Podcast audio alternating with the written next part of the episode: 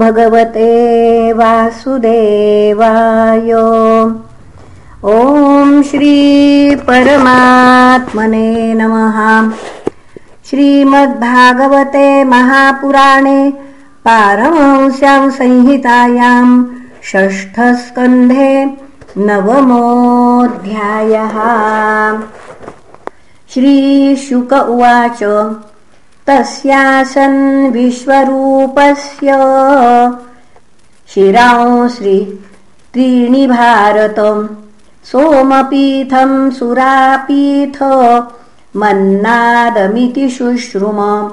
स वै बर्हिषि देवेभ्यो भागम् प्रत्यक्षमुच्चकैः अवदद्यस्य पितरो देवास प्रश्रयम् नृप स एव हि ददौ भागम् परोक्षमसुरान् प्रति यजमानो वहद्भागम् मातृस्नेहवशानुगः। तद्देव हेलनम् तस्य धर्मादिकम् सुरेश्वरः। आलक्ष्यतरसाभीतस्तत् शीर्ष्याण्यच्छिनदृशा सोमपीठम् तु यत्तस्य। शिर आसीत् कपिञ्जलः कलविङ्कसुरापीठमन्नादम् यत्स तित्तिरिः ब्रह्महत्यामञ्जलिनाम् जग्राह यदपीश्वरः संवत्सरान्ते तदघम् भूतानाम् स्वविशुद्धये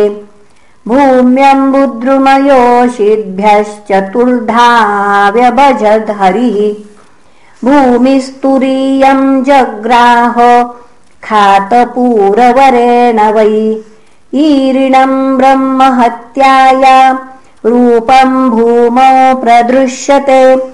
तुर्यम् छेदविरोहेण वरेण जगृहुर्द्रुमाः तेषाम् निर्यासरूपेण ब्रह्महत्या प्रदृश्यते। शश्वत्कामवरेणांहस्तुरीयम् जगृहुस्त्रियः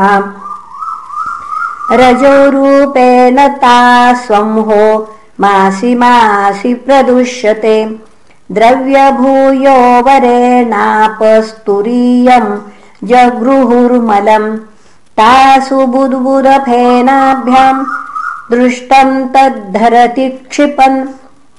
हतपुत्रस्ततस्त्वष्टा जुगाहे वा पुनः पुनः जुगा पुनः पुनः जुहावेन्द्राय शत्रवे इन्द्रशत्रो विवर्धस्व माचिरम् जहि विद्विषम् अथान्वाहार्यपचनादुत्थितो घोरदर्शनः कृतान्त इव लोकानाम् युगान्तसमये यथा।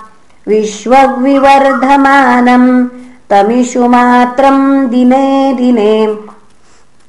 दग्धशैल्यप्रतीकाशम् सन्ध्याभ्रानीकवर्चसम् तप्तताम्रशिखाश्मश्रुम् मध्याह्नार्कोग्रलोचनम् देदीप्यमाने त्रिशिखे शूल आरोप्य रोदसी मृत्यन्तमुन्नदन्तम् च चालयन्तम् पदामहिम् दरीगम्भीरवक्त्रेण पिबता च नभस्थलम् लिहता जिह्यक्षर पुनः लिहता जिह्यर्क्षाणि ग्रसता भुवनत्रयम् महता रौद्रद्रंष्टेन जृम्भमाणम् मुहुर्मुहुः।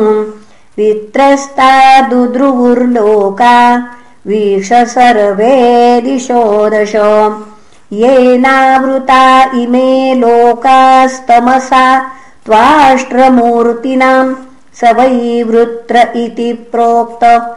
पापः परमदारुणः। तम् निजग्नुरभिद्रुत्य सगणा विबुधर्षभाः स्वै स्वैर्दिव्यास्त्रशस्त्रौघैः सोऽग्रसत्तानि कृष्णशः।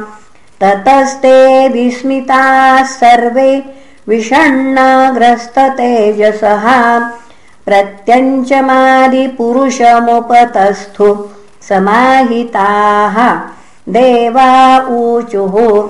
वाव्यम्बराज्ञक्षिप्तयस्त्रिलोका ब्रह्मादये ये वयमुद्विजन्तः। रामयस्मै बलिमन्तकोऽसो। विबिभेति यस्मादरणम् ततो नः अविस्मितम् तम् परिपूर्णकामम् स्वेनैव लाभेन समम् प्रशान्तम् विनोपसरपत्यपरम् हि बालिश। श्वलाङ्गुलेनातितितर्ति विसिन्धुम् यस्योरुशृङ्गे जगतिम् स्वनावम्। मनुर्यथा बध्यततारदुर्गम् स एव नस्त्याष्ट्रभयाद्दुरन्तात्। उद्राता। श्रियान्वारिचरोऽपि नूनम्। पुरा स्वयम्भूरपि संयमाम्भस्युदीर्ण वातोर्निरवैः कराले। एकोरविन्दातपतितस्ततार। तस्माद्भयाद्येन स नोऽस्तु पारः य एक ईश निजमाययान ससर्जयेनानुसृजाम विश्वम्। वयम् न यस्यापि पुरस्वमीहतः पश्यामलिङ्गम् पृथगीशमानिनः। यो नः सपत्नैर्भृशमर्द्यमानान् देवर्षितिर्यम् नृषु नित्य एव कृतावतारस्तनुभिः स्वमायया कृत्वात्मसात्पाति युगे युगे च ते तमेव देवम् वयमात्मदैवतम् प्रपरम् प्रधानम् पुरुषम् विश्वमन्यम् व्रजाम सर्वे शरणम् शरण्यम् स्वानाम् स नो धास्यति शम् महात्मा श्रीशुक उवाच। इति तेषाम् महाराज। सुराणामुपतिष्ठताम् प्रतीच्याम् दिश्यभूदाभि।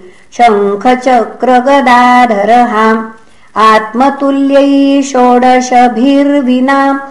श्रीवत्सकौस्तुभौ।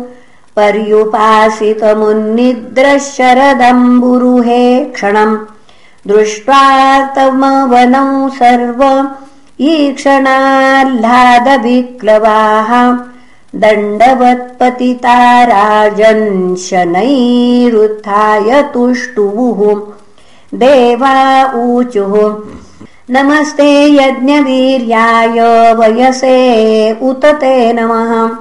नमस्ते ह्यस्तचक्राय नमः सुपुरुहूतये यत्ते गतीनाम् तिसृणामीशुतुः परम् पदम् परमम् पदम् पुनः परमम् पदम्।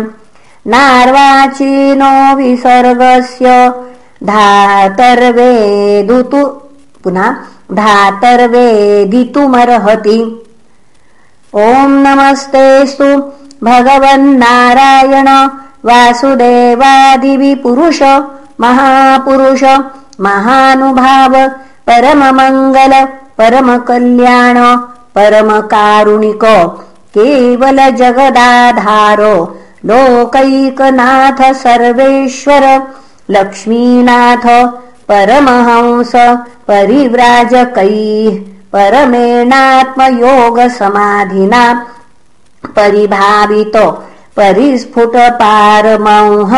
धर्मेणोद्घाटिततमः कपाटद्वारे चित्ते पावृत आत्मलोके स्वयमुपलब्ध निजसुखानुभवो भवान् दुरवबोध इव तवायम् विहारयोगो। यदशरणो शरीर इदमनवेक्षितास्मत्समवाय आत्मनैवाविक्रियमाणेन सगुणमगुणसृजसि पासि हरसि। अथ तत्र भवान् किम्? देवदत्तवदिह गुणविसर्गपतित पारतन्त्रेण स्वकृतकुशला कुशलम् फलमुपाददात्याहोऽस्विदात्मा राम उपशमशील समञ्जसदर्शन उदास्त इति हवाव न विदामः। न हि विरोध उभयम् भगवत्यपरिगणितगुणगणे ईश्वरे नमगाह्य माहात्मेर्वाचिनो विकल्पवितर्कविचारप्रमाणाभास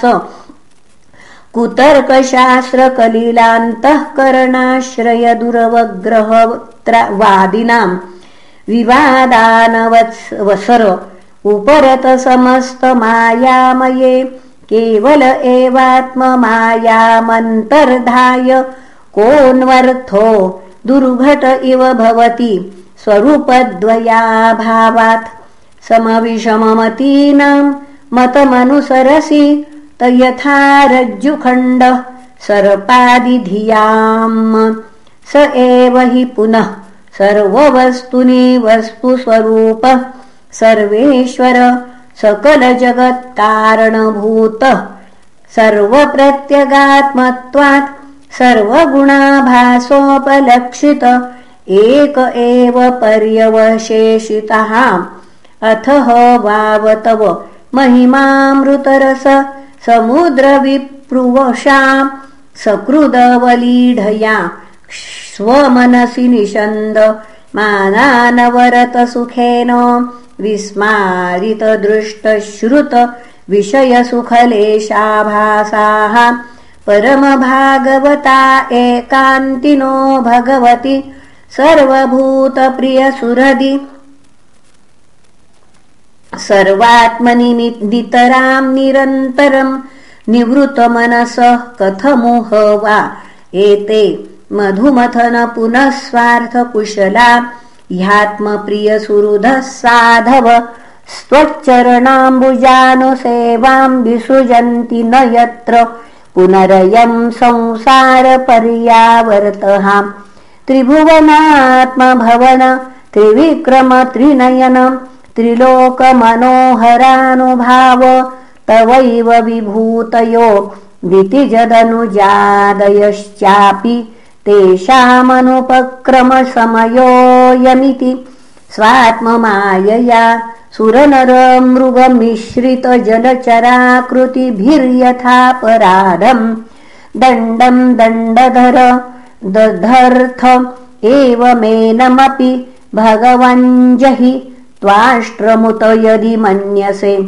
अस्माकम् तावकानाम् तव तत ततामह तव चरणनलिनयुगलध्यानानुबद्धहृदयनिगडानाम् स्वलिङ्गविवरणेनात्मसात्कृतानामनुकम्पानुरञ्जित विशदरुचिरशिशिर स्मितावलोकेन विगलितमधुरमुखरसामृतकलया चान्तस्तापमनघार्हसि शमयितुम् अथ भगवंस्तवास्माभिरखिलजगदुत्पत्तिस्थितिलय निमित्तायमानदिव्यमाया विनोदस्य सकलजीवनिकायामन्तर्हृदयेषु बहिरपि च ब्रह्मप्रत्यगात्मस्वरूपेण प्रधानरूपेण च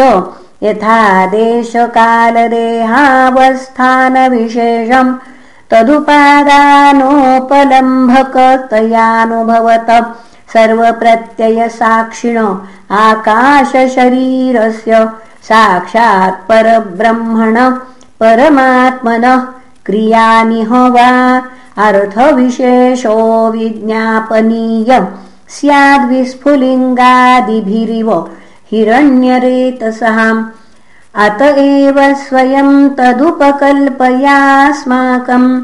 भगवतः परमगुरोस्तव चरणशतपलाशच्छायाम् विविधवृजिनसंसार परिश्रमोपशमनीमुपसृतानाम्।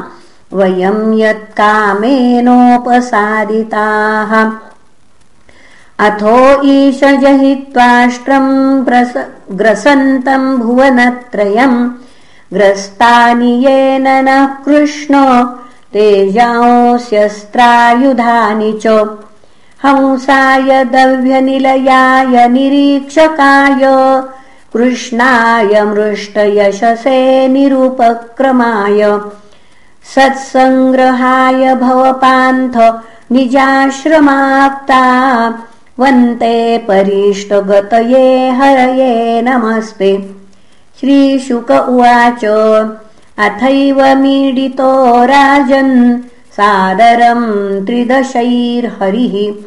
स्वमुख पुनः स्वमुपस्थानमाकर्ण्य प्राहतानभिनन्दितः। श्रीभगवानुवाच प्रीतोऽहम् वः मदुपस्थानविद्यया। आत्मैश्वर्यस्मृतिः पुंसाम् भक्तिश्चैव ययामयि।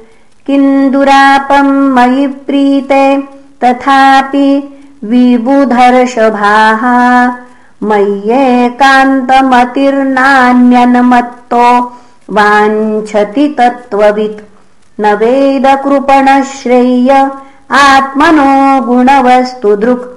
तस्य तानिच्छतो यच्छेद् यदि सोऽपि तथाविधः स्वयम् निःश्रेयसम् विद्वान् न वक्त्यज्ञायकर्म हि नरातिग्रोगिणोपथ्यम् वाञ्छतो हि भिषक्तमः मघवन् यातभद्रम् वो दध्यम् च मृषि सत्तमम् विद्याव्रततपःसारम् गात्रम् याचतमाचिरम् स वा अधिगतो दध्यङ्श्विभ्याम् ब्रह्म निष्कलम्